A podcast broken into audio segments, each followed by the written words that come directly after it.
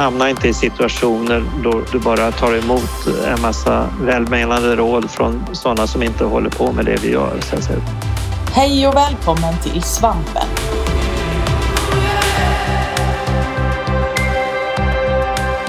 Vi är ST-rådet i Svensk förening för allmänmedicin, SVAM. Vi är ST-läkare och nyblivna specialister från hela Sverige och vi vill bidra till att föra allmänmedicinen framåt. I den här poddserien kommer vi att samtala med personer som på olika sätt brinner för att utveckla just sin del av hälso och sjukvården. De är alla eldsjälar och vi är intresserade av att få veta vad det är som driver dem och att lära oss av deras erfarenheter. Välkommen till Svampen!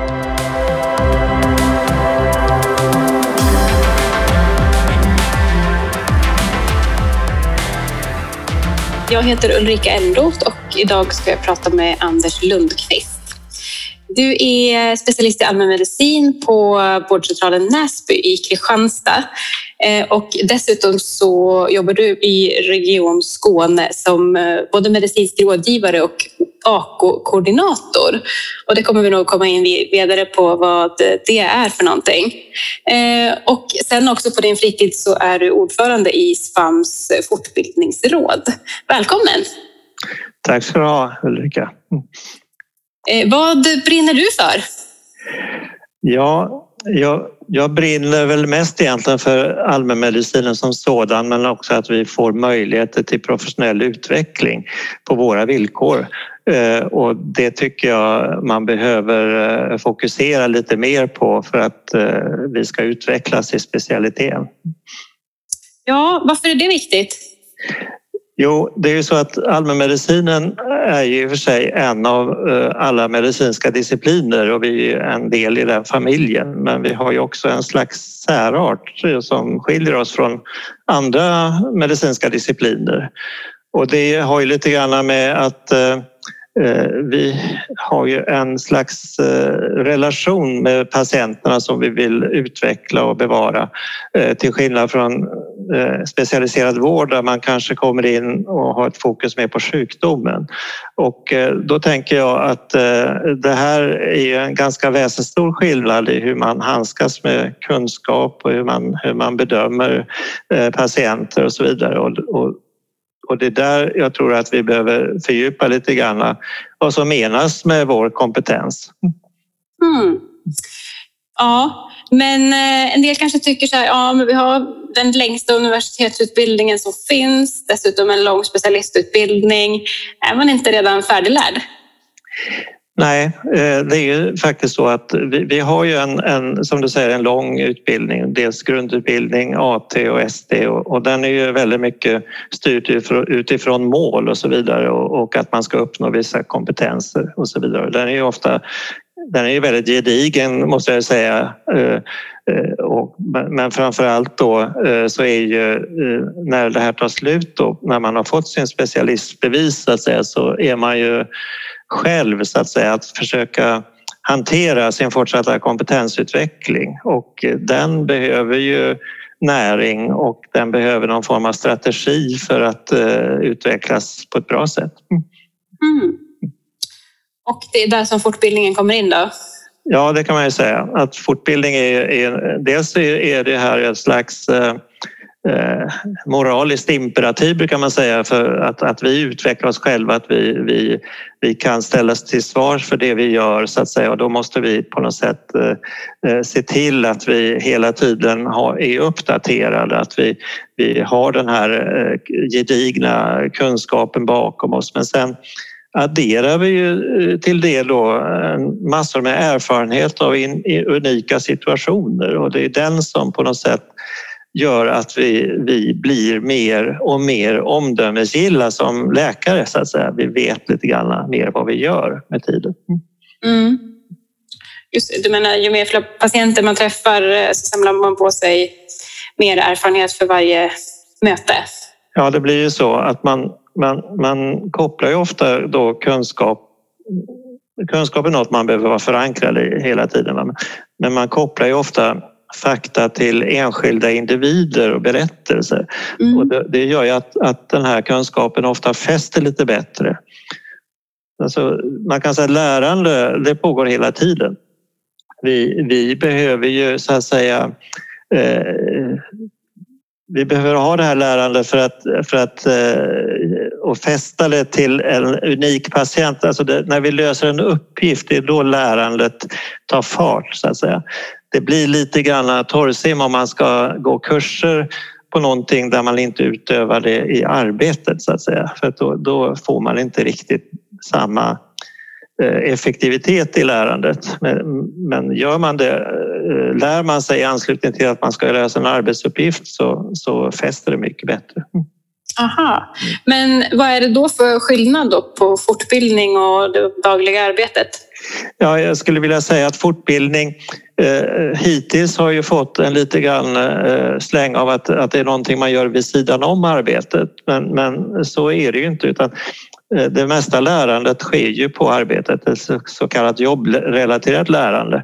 Och eh, det är ju den viktigaste lär, lärotillfället man har. Eh, mm. Man kan säga att man, man har ju dels någon slags informellt lärande, det som uppstår i stunden så att säga. Sen har man kanske då eh, ja, Eh, smågruppsaktivitet eller arbetsplatsutbildning eller någonting där man träffar kollegorna på arbetsplatsen. Och det är lite mer, också lite mer informellt så att säga. Men, men så har man ju det här mer planerade då när man går kurser, när man är utanför vårdcentralen och så vidare. Allt det här hänger ihop. Det är viktigt alla tre sakerna men det allra viktigaste är det jobbrelaterade lärandet. Att man har en kollegial dialog kring det på arbetsplatsen. Ja, men det kanske vi skulle stanna upp lite grann vid. Då. Hur skulle det kunna gå till då på en helt vanlig vårdcentral i Sverige? Jo, eh, det är ju så att det börjar ju då med, med, att man har ett patientmöte och eh, då ska man tolka patientens upplevelser och symptom till någon form av medicinsk systemvärde, något vi känner igen, något vi kanske kan relatera till i medicinska termer och påbörja någon form av utredning eller någonting. Men ofta är vi lite grann osäkra kring det. Ibland är det kanske bara livet självt som ställer till det. Och då, men vi, vi måste ändå, vi, patienter söker oss som experter. Men då uppstår liksom ofta ett moment av osäkerhet och då har vi ofta möjlighet att konsultera våra kollegor och få råd och stöd. Så där kan man säga att ett lärande påbörjas när man frågar kollegorna om stöd. Handledningssituationen är likadant. Där kommer en yngre eh, kollega och frågar en lite äldre om råd och där uppstår då ett stora möjligheter till lärande. Man, man ställer motfrågor, man, man ber och, och den, den som frågar att, att presentera eh, hur man ser, hur den själv ser på problemet så att säga och, och så ger man då någon form av reflektion kring det. Då. Mm. Eh, så att där har vi också en form av lärande och sen har man förstås lärande av medarbetarna att de, eh, de gör på olika sätt och man, man, man, man tänker att eh, det kan vara bra att ha, ha lite dialog med eh, andra kompetenser på vårdcentraler kring olika saker man lär av varandra. Så att eh, hela jobbet eh, inbegriper ett stort mått av lärande och det måste man synliggöra och det måste finnas ett utrymme för reflektion på arbetet. Och det kan man skapa då på olika sätt.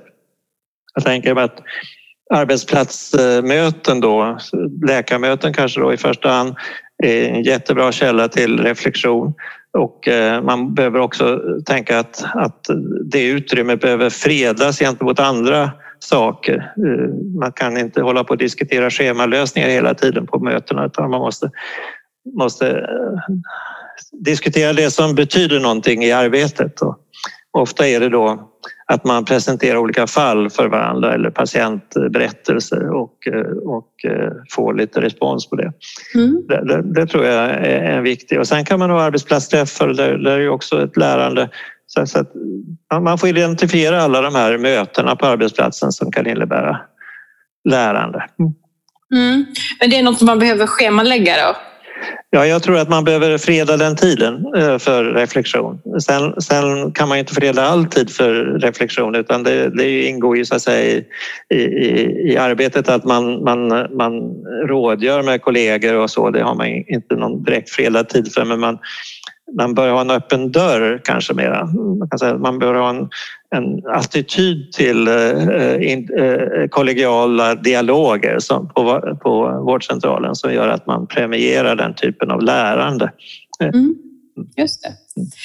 Eh, finns det något annat sätt att ha kollegial dialog på utöver med kollegorna på vårdcentralen? Ja, det finns ju då Eh, Eh, de mer klassiska eh, varianterna som vi har bekantat oss med under decennier nu det är ju Balintgrupper då som ju är en slags eh, reflektionsgrupp kring svåra patienter kan man säga eller där man stöter på problem i, i patientmötena om man vill rådgöra med kollegor. Det är ju en suverän smågrupps, ett suveränt smågruppslärande som man kan utvecklas väldigt mycket i som, som läkare. Och sen har vi då det som handlar mer om de vardagliga medicinska problemen som där jag tycker att FQ-gruppen är, är, en stor tillgång. Och, och det är den bland annat för att man möter kollegor från andra arbetsplatser och då kan man jämföra rutiner och, och handläggningsmodeller med varandra så att säga. Så att eh, jag tycker att eh, det är en väldigt eh, fin ut, eh, ja, fin grupp att vara i, en FQ-grupp så att säga. Det rekommenderar alla. Ja, men då kanske vi måste förklara också, vad är FQ? Ja, FQ står för fortbildning och kvalitet och eh, man kan säga att kvalitet är ju viktigt när man, när man eh, arbetar mycket med, med, med patienter så får man ju en hel del data i journalen och så vidare. Man får också en känsla för att Eh, diabetiker ska vi försöka hantera på ett visst sätt. Alltså det, det, det, det finns eh, ett, ett, stort eh, värde i att diskutera med varandra hur man handlägger diabetiker och man kan göra olika former av, av undersökningar och titta på ens eh, resultat när det gäller diabetiker och, och, och vara öppna med det inför varandra till exempel. Så att kvalitet är viktigt för att man ska man ska ta reda på hur man egentligen gör, inte hur man tror man gör.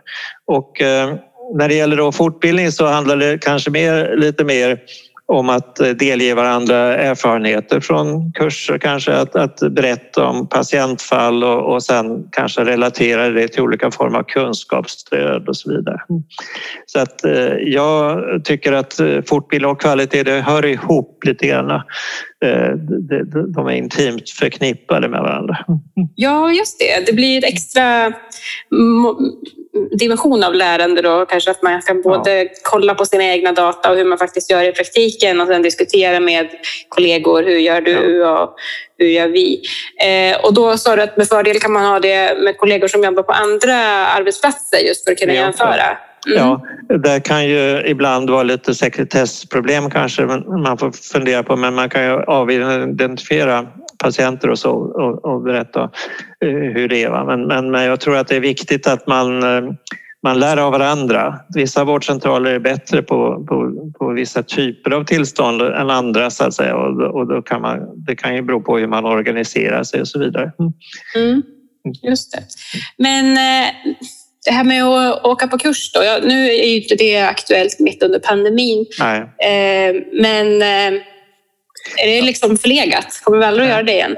Nej, det tror jag inte. Jag tror det är väldigt viktigt att man vidgar sina vyer och eh, tar intryck av även andra ställen i Sverige, till exempel även i Norden och internationellt. Att man, man får det här liksom Eh, att man, lyft, man får ett annat form av seende, man, man får en annan överblick över saker och ting.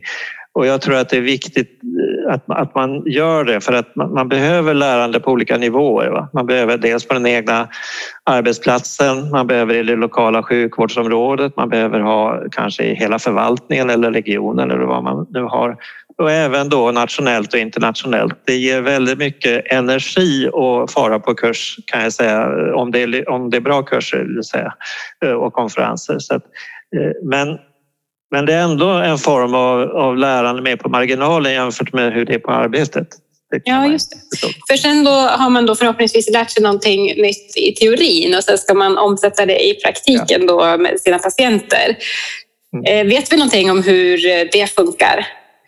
Ja, jag tänker att eh, när, som allmänläkare så så har vi ett, ett väldigt brett kunnande i grunden. Så alltså. Vi har lärt oss när vi har blivit specialister så har vi liksom en generalistkompetens som heter duga.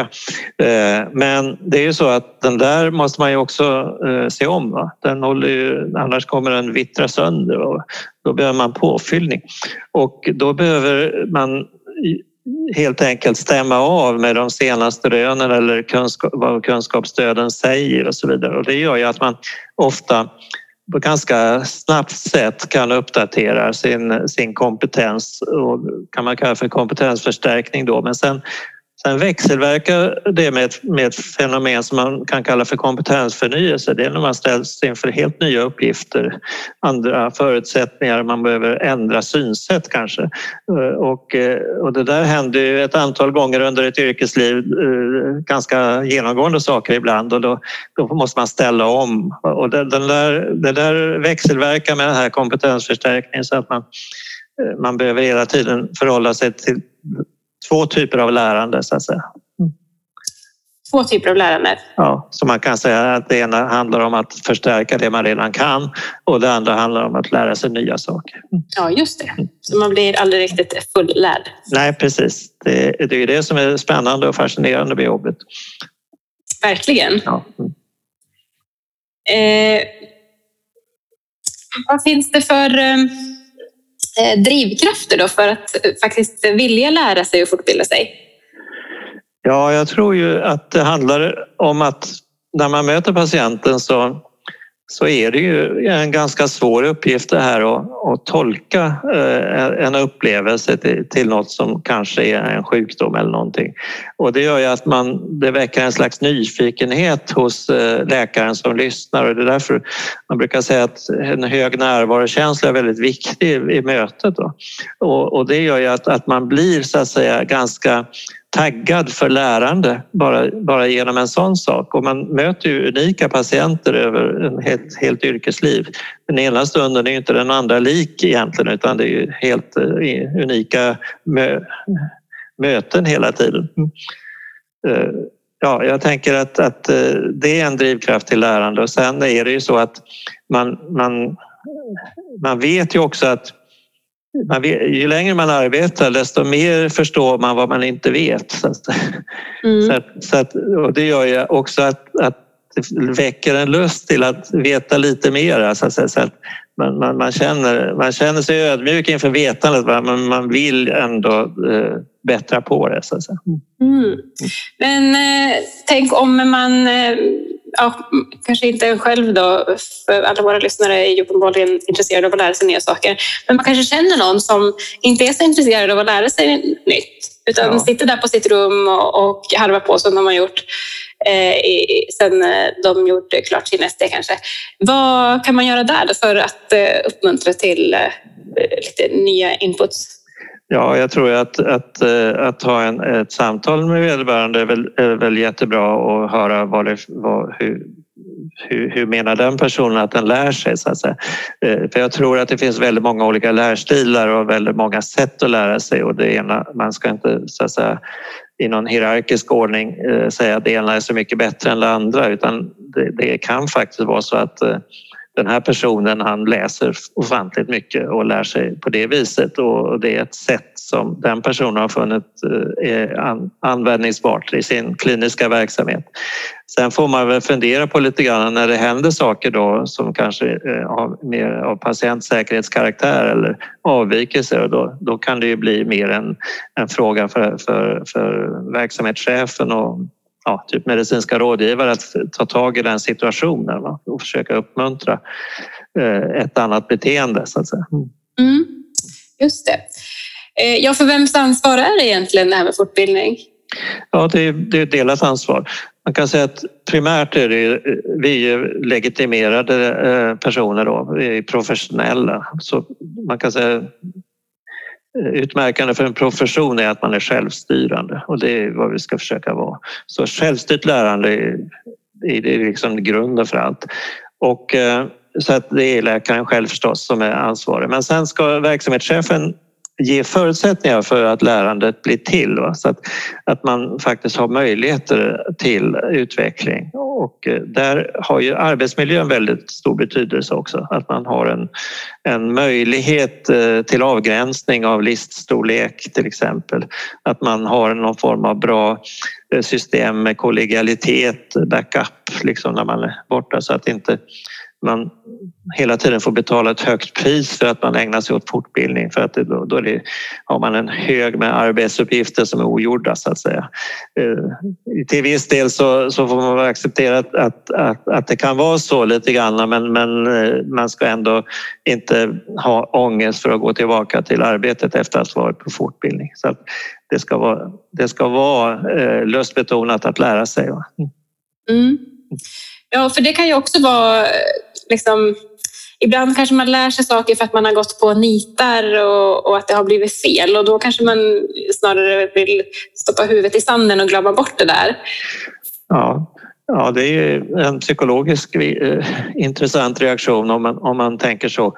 Att man, att man inte vill konfronteras med liknande. Man kanske känner att det bara förstärker ens dåliga sidor på något sätt att utsätta sig mer och mer. Och då, då tror jag man ska ha en kollegial dialog med någon kollega som man respekterar mycket. Alltså eh, på tu man hand och prata om sådana här saker. Jag tror det är utmärkt att göra det här inom ramen för någon form av årlig kompetensutvecklingsplan va, som man, där man diskuterar med, med varandra om olika saker. Mm. Ja, just det. Men ska vi prata lite grann om det då? Mm. Kompetensutvecklingsplan? Ja, då tänker jag att, att eh, när man har lämnat då specialistutbildningen så lämnar man ju eh, det här regelstyrda eh, sammanhanget med målbeskrivningar och liknande. Då tänker jag att man behöver nästan Eh, ha en liten modell för att fortsätta med den typen av, av eh, individuellt satta mål. Man, man pratar ju om, I ST pratar man ju om olika slags kompetenser medicinsk handlingsförmåga och man har kommunikationsförmåga, eh, ledarskap och, och forskning och utveckling och liknande. Ja, de här olika delmålen i ST-målbeskrivningen. De olika huvudkapitlen i målbeskrivningen kan man säga. Mm. Eh, det, det, kan man också ha som ett ramverk för sin egen eh, vidareutbildning. Men sen ska man också tänka att, att eh, läkarjobbet innebär så mycket mer än bara medicinsk handlingsförmåga. Det, det, innebär att man behöver utveckla samarbetsförmåga, ledarskapsförmåga, eh, ja, även kommunikationsförmåga i största allmänhet kan man säga. Och sen eh, tänker jag också vetenskapligt förhållningssätt och, och, och, läkaren i samhället och olika sådana funktioner. Så man, man behöver ha ett lite vidare fokus på eh, hur man ska lära sig saker och då, och då kan det vara bra att eh, ha en lite mer strukturerad plan för hur man lär sig. Eh, jag brukar nog tycka att det kan vara bra att gå tillbaka till det olika nivåer på lärandet, att man lär sig på arbetsplatsen lokalt och så vidare. Då kan man, för varje sån här nivå kan man precisera lite grann vad tänker jag vilja göra nu under nästkommande år? Eh, hur, hur ser mitt lärande ut? Tittar man, ja, vi har arbetsplatsträffar en gång i veckan. Vi har ett morgonmöte på en kvart, alltså man kan diskutera om det. Och sen eh, kan man då säga att, att eh, beskriva då vad, vad, tänker man sig att det här nästkommande år ska innebära för slags Eh, Eh, innehåll då i, i de här mötena. Eh, och eh, sen kan man gå vidare till lokala området. Har vi några regelbundet återkommande fortbildningsdagar? Ska jag delta i dem och så vidare? Hur tänker jag? Vilken omfattning ska jag delta? Och ska jag delta i någon regional fortbildning? Läkemedelskommittén kanske arrangerar någonting som jag vill delta i? Man börjar spalta upp det där, då inser man eh, hur liksom mångfacetterad fortbildningen är. Eh, och, eh, då kan man, tycker jag, har man gjort den planen så kan man sen när ett år har gått tillsammans med en kollega diskutera hur gick det egentligen? Gjorde jag allt det här som jag hade sagt och, och vad var det som var värdefullt? Jag tror också det sista är viktigt, då, att man identifierar några punkter som var speciellt eh, värdefulla det senaste året. Så lär man sig också vad man kanske inte ska ägna sig åt eh, nästkommande år, så att säga. Mm. Ja, men det låter smart också att diskutera med andra och då ja. kanske man kan få tips också vad som har varit värdefullt och inte. Ja. Och så, eh, det är liksom allt möjligt. Då. Man gör en plan i början på året och utvärderar i slutet. Ja, så, så, så, har jag gjort och tänker att det är en bra modell. Eh, jag tror också att det är bra att ha den här reflekterande kollegiala dialogen med kollegan då, eh, innan man träffar sin verksamhetschef. För då mm. har man tänkt igenom ganska mycket. Vart, vad vill jag? Vart är jag på väg? Och så vidare. Hur kan du hjälpa mig som chef att förverkliga mig? Så. Just det. Mm förberedelse, förberedelse är Ja, alltid... jag tror det slarvas mycket med det. Att nu har man medarbetarsamtal en gång om året och eh, det, chefen är nog mer, ofta mer förberedd än, än medarbetaren många gånger tror jag. Mm. Det bör man ändra på. Just det. Hur, eh, ja, du sa att man kan gå igenom målbeskrivningen och tänka lite bredare än bara de här medicinska frågorna. Men mm. annars då? Det blir ju kanske lätt att man snöar in på något eller några ämnen som man känner sig mm. dels bra och dels eh, liksom, att det blir något självförstärkande. Att ja, men jag kan redan det här var bra och skönt att gå på de här kurserna för att jag känner igen det och, och så vidare. Eller att jag får odla min eh, goda sida. Eh, hur kan man komma ur det då och ja. liksom, tänka lite utanför? Så blir det när man kanske inte har tänkt igenom så mycket vad arbetsplatsen kan bidra med i form av lärande utan man tänker att lärandet är något som sker utanför arbetsplatsen och då väljer man att gå på sånt som man tycker att är intressant, man redan kan en del, man vill förstärka det.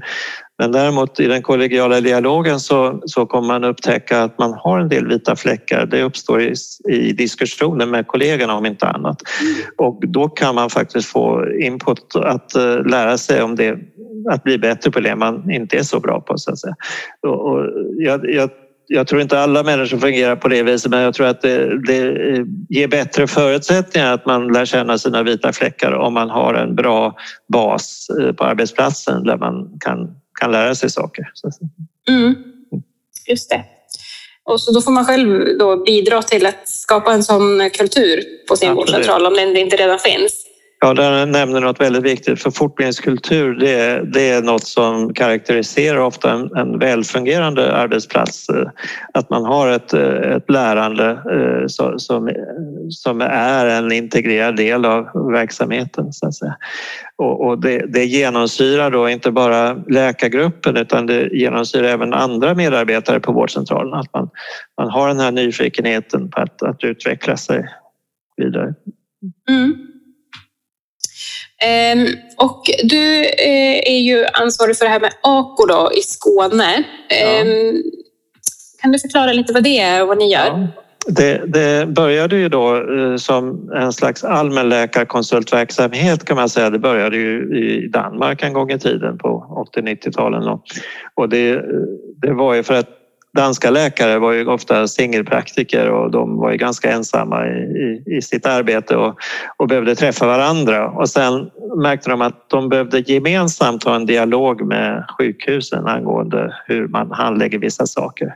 För det skedde ju massor med utveckling på sjukhusen som kanske inte läkarna i primärvården där eh, var så insatta i. Så Men då börjar man ha den här eh, eh, personliga kontakten med, med en utsedd läkare för en viss klinik och det bar väldigt bra frukt i Danmark kan man säga. Det, det utvecklades eh, under åren på ett väldigt bra sätt. Så småningom importerades det till Sverige då i mitten på 90-talet. I Skåne var man väl ganska mycket på hugget eh, i slutet på 90-talet och har sedan utvecklat den här verksamheten till att inbegripa inte bara samverkan utan även kunskapsstöd och fortbildning. Och det är vad som har hänt i Skåne då. Att vi har tre ben att stå på. Och eh, jag som allmänläkarkonsultkoordinator så har jag eh, en bas i nordöstra Skåne och där har jag ett antal allmänläkarkonsulter, kanske ja, 12 stycken tror jag det är. Och de har eh, ett engagemang gentemot en viss klinisk verksamhet och har en kontaktperson där och har återkommande möten. Och så brukar jag samla de här eh, på eh, Teams. Nu har det varit Teams-träffar och så. Annars brukar vi ha eh, möten och diskuterar hur vi ska kunna förbättra dialogen med specialiserad vård och kanske göra det ännu tydligare för oss var, var gränssnitten ligger och så vidare. Det, så att jag jag tycker det, det här allmänläkarkonsultverksamheten vi har byggt upp i Skåne tycker jag har en stor fördel för att eh, den, den knyter ihop både fortbildning, eh, kunskapsstöd och eh, samverkan på ett väldigt bra sätt. Och det gör att eh, eh, vi, vi har också, det är, vi är en producentneutral organisation så vi når ut till både privata och offentliga vårdgivare. Och eh, det gör också att man kan vara allmänläkarkonsult både som privat verksam och offentligt verksam. Det finansieras från hälsovalet alltsammans. Mm. Det gör att vi står oss ganska fria gentemot den så kallade linjen också. Och sen har vi ett väldigt bra samarbete med universitetet så att eh, jag tycker att eh, vi, vi har byggt upp en ganska bra organisation för att stärka allmänmedicinens ställning i Region Skåne helt enkelt. Mm. Ja, det låter ju fantastiskt. Ja. Jag var faktiskt inne och kollade på er hemsida för att eh, AKOs fortbildningsmaterial och allting är ju öppet för alla som har internet. Man behöver inte vara skåning, Nej. eller hur? Och det fanns ju både länkar och filmer och man har det här nationella kliniska kunskapsstödet. Ni har månadsvisa webbinarier. Det finns också mer information om hur man gör sin kompetensutvecklingsplan. Det finns mer information om FQ-grupper och valintgrupper och till och med färdigt avtal med handledare och finansiering och allting. Så att eh, det verkade ju super, superbra. Ja. Vi har ju ett gott eh, samarbete också med med det, det som är, är eh, den organisation som leder ST-läkarverksamheten. Så att vi har eh, ett eh, mycket bra dialog med dem. Så att FQ-grupper och barnetgrupper ingår i ST-läkarutbildningen. Man får välja över tid antingen eller så att säga. Och det gör ju att vi får, har en ganska bra grund för att FQ-grupper och barnetgrupper kommer att kunna fortsätta när man blir specialist och sen kan man då rekrytera nya eh, kollegor till de här grupperna. Sen har ju den offentliga delen av primärvården har ju också sagt att eh, från och med förra året att vi, har, vi, vi avsätter 5 av arbetstiden för specialister i allmänmedicin som jobbar 100 eh, till fortbildningsaktiviteter och då kan man välja att gå, ha sin FQ-grupp till exempel på den tiden. Så det, mm. det är en väldigt tillåtande eh, organisation som, som, som gör att vi, vi känner inte oss motarbetade på något sätt av, av att, att, produktionen ska hållas uppe till varje pris. Nej, men gud vad skönt. Det låter ju väldigt eh, bra. Kanske många som skulle kunna ta efter den modellen eller i alla fall inspireras. Ja. Eh, jag tänkte också att vi kunde prata lite grann om det här med eh, kunskapsstöd och det här med kunskapsstyrning har ju varit lite på tapeten de senaste åren. Och nu vet jag att du också är precis eh, ny. Ja, du har ju varit med länge i det nationella kliniska kunskapsstödet genom den här ämnesgruppen för ögon som du är ordförande i. Visst är du det ja, fortfarande? Så är det. Mm. Ja, och sen så är du även ny i det nationella primärvårdsrådet i kunskapsstyrningsorganisationen. Så du eh, har väl haft tillfälle att fundera över det där eh, ett tag. Så jag är lite nyfiken på hur du tänker kring dels kunskapsstödet eh, och sen även lite större hela kunskapsstyrningen om du skulle vara ja. intresserad av att prata om det. Jo, jag tror att alla vi som har varit allmänläkare ett tag, vi har nog varit vana. Vi har haft olika former av kunskapsstöd med oss i, i verksamheten på den gamla tiden innan internet så hade vi ofta kompendier som vi tittade i eller ja, jourläkarboken eller vad det kunde vara, praktisk medicin. Alltså vi, vi konsulterar för att det var, det var ett lätt sätt att, att hitta den praktiska kunskapen kring olika saker. Eh, och sen har ju det där vidareutvecklats. Eh, I Norge var man ganska tidigt ute med en norsk elektronisk lägehandbok som så småningom eh, blev Medibas i Sverige och eh, eh, så att jag tror att det finns en hel generation allmänläkare som är, har liksom vuxit upp med den här typen av elektroniska kunskapsstöd och ser att det är en viktig del av, av verksamheten att kunna konsultera dem och det gör man på ett ganska snabbt sätt. Man, man, man bläddrar till den önskade delen av kunskapsstödet för att hitta det man söker. Alltså man, och det gör att, att, att man känner sig lite tryggare också då och eh, speciellt eh, då man kan också bidra med någon bra patientinformation på samma gång så, säga, så är det väldigt bra. Och jag tror att när det nationella kliniska kunskapsstödet kom så, så hade man redan dragit igång i Skåne med de här AKO-riktlinjerna och då blev det som eh, liksom ganska naturligt att anpassa våra riktlinjer till kliniska kunskapsstöd och även kunna påverka utformningen av det kliniska kunskapsstödet. Jag var ju med och då som ämnesgruppsordförande för ögon, eller jag hade fortfarande och uppdatera riktlinjer kring ögon. Det är ett väldigt roligt arbete tycker jag. En bra dialog med ögonläkare och kollegor om det.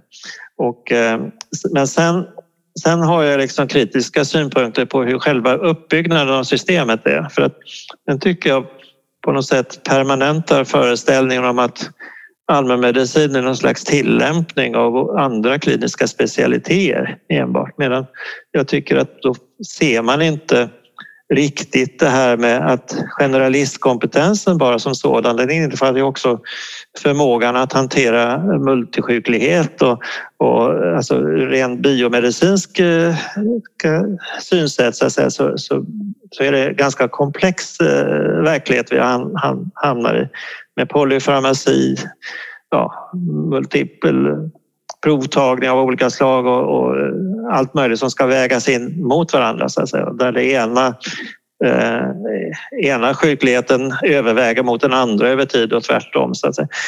Det gör ju att det är en alldeles speciell eh, flexibilitet som krävs av oss för att vi ska hantera det här. Och då, och, eh, men då också att man har på något sätt i, i kunskapsstyrningen, speciellt inom de så kallade personcentrerade sammanhållna vårdförloppen så har man, tycker jag, inte beaktat allmänmedicinens särart, att vi har det här med relationskompetensen. Och den, den gör att, att man, det blir lite knepigt när, när det inte finns begrepp som fast läkare eller att man har beaktat eh, eller har kontinuitet som ett bra Eh, ord i de här eh, stöden. Så det gör ju att eh, på något sätt så känner vi att allmänmedicinen riskerar att bli osynliggjord i systemet. Och sen när man då lanserar väldigt mycket vårdförlopp så, så känns det lite grann som att man man har, det finns en risk att man tränger ut annat viktigt i, i vår verksamhet. Och det, det tror jag ingen riktigt annat än ingen annan än vi själva kan se. Mm. Vad bra då att eh, sådana som du är eh, med. Ja, jag, jag försöker bidra men, men samtidigt jag, jag inser att det är kanske är bättre att vara med och påverka än att, att sätta sig till motvalls mot, mot allt det här. Va? För att, eh, oavsett, det, det, är väldigt mycket pengar som är nedplöjt i det här systemet för kunskapsstyrning. Så vi kommer ha det för åratal framåt och vi behöver vara med och påverka så att det blir bra för allmänmedicinen helt enkelt. Och det finns väl förhoppningar om att det ska kunna, eh, vi ska kunna justera det här till vår fördel under, med hjälp av, av att, att vi allmänläkare engagerar oss i det så att säga. Mm. Så, så, att eh, jag, jag tycker väl, men, men det är väl på något sätt en, en bister verklighet på något sätt att, att eh, vi får en kunskapsstyrning som i, i grunden är sjukdomsorienterad och inte personcentrerad. Mm. Ja, vi får väl se. Det kanske kommer något eh, pensionscentrerat eh, sammanhållet vårdförlopp för eh, multisjuklighet. Ja, vi får hoppas att det kan komma någon form av sån, sån vägledning kan man säga för, för oss ute på fältet. Ja, det skulle väl vara väldigt användbart. Men du, jag vet att du också, vi har ju precis haft Svams kongress i ja. Åre och digitalt. Mm. Eh, och då hade du ett uppskattat eh, webbinarium där om eh, medicinsk osäkerhet. För att allt vi gör ryms ju, som du varit inne på, inte i ett kunskapsstöd eller man kan inte liksom läsa på om allting och vara förberedd. Eh, och hur hanterar man det? Ja. Jag tror att man måste acceptera att den finns där, osäkerheten, det är det första. Man ska inte bekämpa den, eller den, den, man ska acceptera den och göra den synlig för patienten också. Så att man bör, man bör vara, vara överens med sin patient att eh, det, det enda vi riktigt säkert vet är att vi inte vet. Så att säga. Så, så, och, och då får man liksom vara man är ändå i patientens ögon en expert och man ska på något sätt tillsammans eh, hantera den här osäkerheten till dess att man blir lite säkrare och, tiden är ett väldigt bra instrument då kan man säga. Och så att man upp, följer upp och så vidare. Och sen att man är väldigt mån om att ha en bra koncentrationsteknik för att den är själva grunden till att man, man skapar den här terapeutiska alliansen med patienten. Så att säga. Eh, jag tror att eh, det, ibland blir det ju så att eh, patienten litar fullt och hållet på läkaren och då blir vi kanske med nödvändigt lite mer paternalistiska. Det, det, det, går liksom inte att värja sig från det ibland men, men helst ska man ju liksom agera på ett personcentrerat sätt så mycket som möjligt. Mm. Precis, det kommer alltid tillbaka till det. Ja. Men det är alltså inget problem att säga till patienten att det här är ett eh, område där det inte finns så mycket fakta Nej, eller information? Det, det vittnar väl om ärlighet om man, om man kan erkänna det. För det, är, det är så komplext ofta. Va? Så att det är det, att det, eh, kunskapsstöd i regler bygger lite grann på förenkling och så vidare. Och, det, och, och vår verklighet är långt ifrån förenklad, den är verkligen komplex. Alltså. Och det måste vi också bejaka eh, att den är. Eh, jag tänker också att hur vi då... Eh, många pratar om kokboksmedicin, att det, det är det vi ägnar oss när vi, när vi förlitar oss för mycket på kunskapsstöd. Men jag vill mena att, att kunskapsstöden är en bit eh, av det hela. Sen kommer vår erfarenhet och, och, av andra situationer och erfarenhet av just denna patient och så vidare. Och så lägger man det lite grann bit för bit, lager på lager så bygger man någon form av, av kunnande kring just den här patientens situation och, och i förhållande till den vetenskapliga kunskapen. Så, så man måste vara liksom förankrad såväl i evidensbaserad medicin Eh, som uttrycks i kunskapsstöd som att vara med eh, patienten i dennes berättelse. Så att vi har ju ett stort fält vi rör oss om, väldigt flexibla måste vi vara. Eh, och jag tror att man har pratat lite grann om att man här, den här typen av förvandling av, av kunskap till kompetens Eh, att det är någon form av kompostliknande historia, att man liksom bryter ner kunskapen och lager för lager så blir det en fin mylla. Så att säga. Och, och, och det är väl en kompetens som vi ibland inte vet att vi har. Men, eh, och framförallt behöver vi kanske synliggöra att vi har den eh, för andra, som förstår, att man kan förstå bättre vad det är vi sysslar med så att man inte har fördomar att, att, att vi vi ska göra som kunskapsstöden säger hela tiden. För det, det är ju en omöjlighet utan vi måste, vi måste på något sätt hantera varje eh, individ för sig. Mm. Mm. Ja, det är en intressant liknelse det där med en kompost. Mm. Eh, är det något annat som du skulle vilja ta upp på det här temat? Jag, jag skulle vilja säga att, att, eh, ta ansvar för sin egen kompetensutveckling gör ju också att man, man eh, behåller gnistan i jobbet så att säga. Man, man, man kan känna att man utvecklas och att, att det är roligt så att man inte eh, känner att allting är ganska tradigt och man, man tappar liksom engagemanget i olika saker. Alltså det, det är ett väldigt bra sätt att, att upprätthålla någon form av, av fokus på hur viktigt det är att, att eh, vidareutveckla sin erfarenhet till bra kompetens helt enkelt. Och eh, det är ju därför väldigt kul också att, att eh, möta kollegor i olika stadier i sin utveckling och kunna utbyta idéer och tankar. För man, man blir ju aldrig fullärd utan det är ju faktiskt så att man utvecklas hela tiden. Så är det. Ja, det är ett fantastiskt eh, yrke på så vis att vara allmänläkare. Det finns ju det här som heter ASK också. Eh, ja. Är det något som du eh, kan ja. berätta lite om? Jo, allmänläkares självvärdering i kollegial dialog.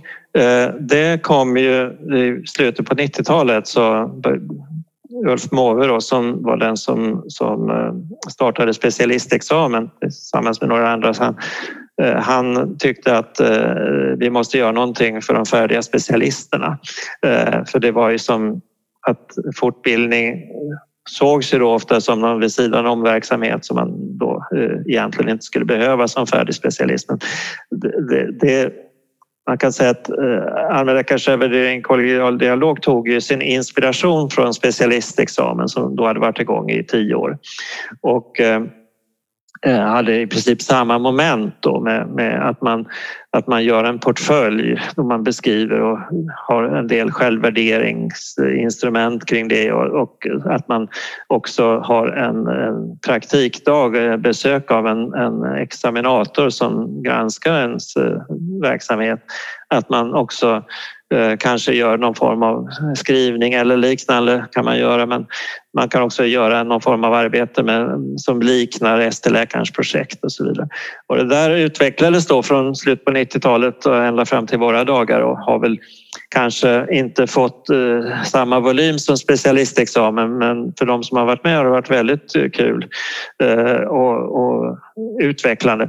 Jag gjorde själv detta för ungefär 20, ja, drygt 20 år sedan, 2000 tror jag det var. Eh, och då, då eh, tyckte jag att det var väldigt lärorikt att blicka tillbaka. Eh, hur, hur gjorde, vad, vad, gick jag på för fortbildning de här sju föregående åren? Fick jag i uppgift att göra och, och reflektera över det, vad som var värdefullt och inte värdefullt och så vidare. Och det var väldigt kul tycker jag att göra. Och sen, sen tar man avstamp man gör den här genomlysningen tar man avstånd så, så hur, ungefär frågan hur långt har jag kommit? Och sen kommer nästa fråga vart är jag på väg? så att säga. Så att man, man är framåtblickande. Och eh, det där tycker jag eh, har haft nytta av under de här 20 åren som har gått. Och det är att jag varje år gör en sån här kompetensutvecklingsplan eh, och diskuterar med en kollega och, och sen med chefen. Och eh, gör en slags eh, Eh, utvärdering av det som jag tyckte var givande. Och det, och det gör ju att när, när man gör så, då, det är precis som, eh, som Marcel Proust skrev På spaning efter en tid som flytt, att man biter i en madeleinekaka så kommer minnena tillbaka. Så, att säga. så, så man, man får ju en, en, en väldigt bra eh, blick för vad, hur tiden har gått och vad, vad som då hur man ska göra sen. Alltså man, man, man, får, man får en inspiration att kanske ändra eller göra ett nytt vägval kanske. Eller någonting sånt. Mm. Ja. ja, det låter väldigt spännande. Det var bra att ta sig den tiden. Ja. Så det är inget man behöver göra varje år då? Utan... Nej, nej, alltså, nej, det kanske man gör. Ja, det gör man kanske en gång egentligen, men sen, sen är det en process. Det är precis som lärandet är en process, det är inte en serie händelser. Mm. Utan det fortsätter man med, med, man har det som bakgrund för sin fortsatta kompetensutveckling. Och, och, och, alla de som har gjort ASK kan nog hålla med om det, att, att det, det har varit en väldigt bra drivkraft också till att, att eh, se om sitt hus och att, att, eh, tänka det här behöver jag bli bättre på och det här kan jag utveckla vidare. Och så vidare. Mm. mm. Just det. Ja. Och sen så är ju du engagerad i SPAMs fortbildningsråd. Ja. Det... Eh, vad gör ni? Ja, det här fortbildningsrådet startade ju egentligen Eh, också i slutet på 90-talet och, och eh, det var egentligen som en motor för det som hette Svams fortbildningsprojekt eller Svams fortbildningsprogram eh, som startade i början på 90-talet som handlar lite grann om att ta makten över vår egen fortbildning, att, att ha kollegial dialog och, och utveckla FQ-grupper, Barentgrupper och eh, även de här kompetensutvecklingsplanerna fanns med i bilden redan då. Så att säga. Och Fortbildningsrådet blev någon slags eh, strategisk funktion för att eh, sprida det här i, i, bland allmänläkare i Sverige. Och då, då var jag med redan från början i det första fortbildningsrådet som startade 98 och eh, blev dess ordförande under några år i början på 00-talet och sen Sen eh, blev jag ju chefredaktör för allmänmedicin under några år så då hoppade jag av det. Men sen hoppade jag på tåget igen för eh, sex, sju år sedan och är nu dess ordförande igen. Och vi håller ju på nu med Eh, försöka eh, eh pejla runt om i landet hur det ser ut med eh, eh, möjligheterna för professionell utveckling runt om i landet och eh, hur det är med FQ-grupper, hur det är med, med olika saker. Och, och, det senaste vi håller på med Vet, vi, vi hade en lång rad av år då vi, då vi producerade ett antal studiebrev som ligger på Svams hemsida. Det var ju avsett för, för FQ-grupper.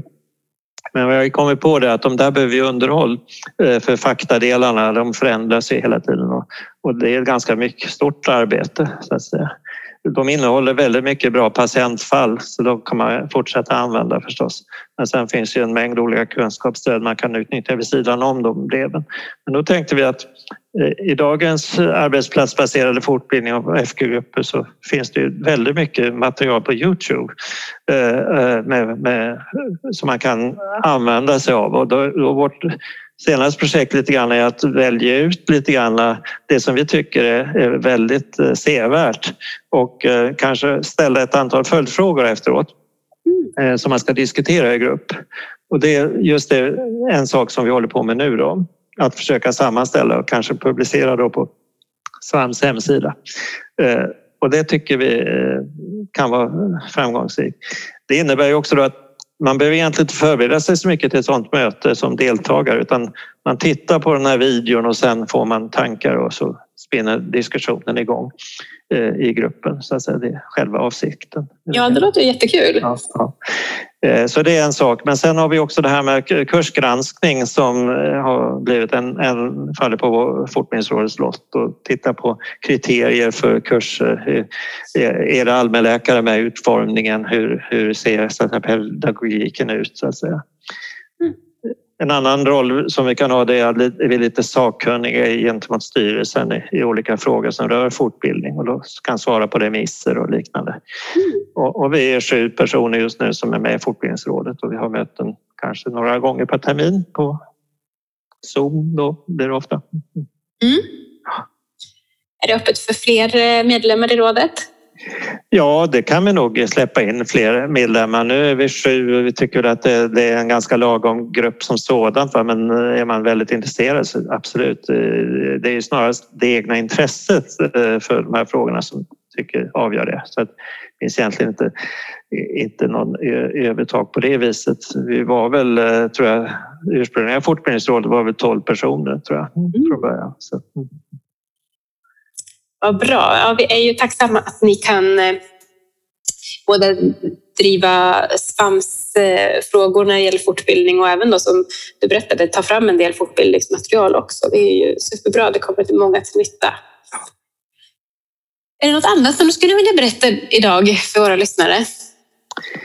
Eh, jag tycker att eh, en uppmaning då det är att slå vakt om den kollegiala dialogen på alla plan så att säga. Eh, hamna inte i situationer då, då, då du bara tar emot en massa eh, välmenande råd från sådana som inte håller på med det vi gör. Så att säga. Värna om det allmänmedicinska och eh, sätt relationskompetensen i fokus också. Ska jag säga relationen med patienten, det är det som är vår eh, specialitet. Det kan man säga. Det, det är ex, vår expertkompetens. Kan man säga. Just det. Vad bra. Men det var väl en fin avslutning på det här samtalet. Tusen tack Anders Lundqvist. Ja, tack själv.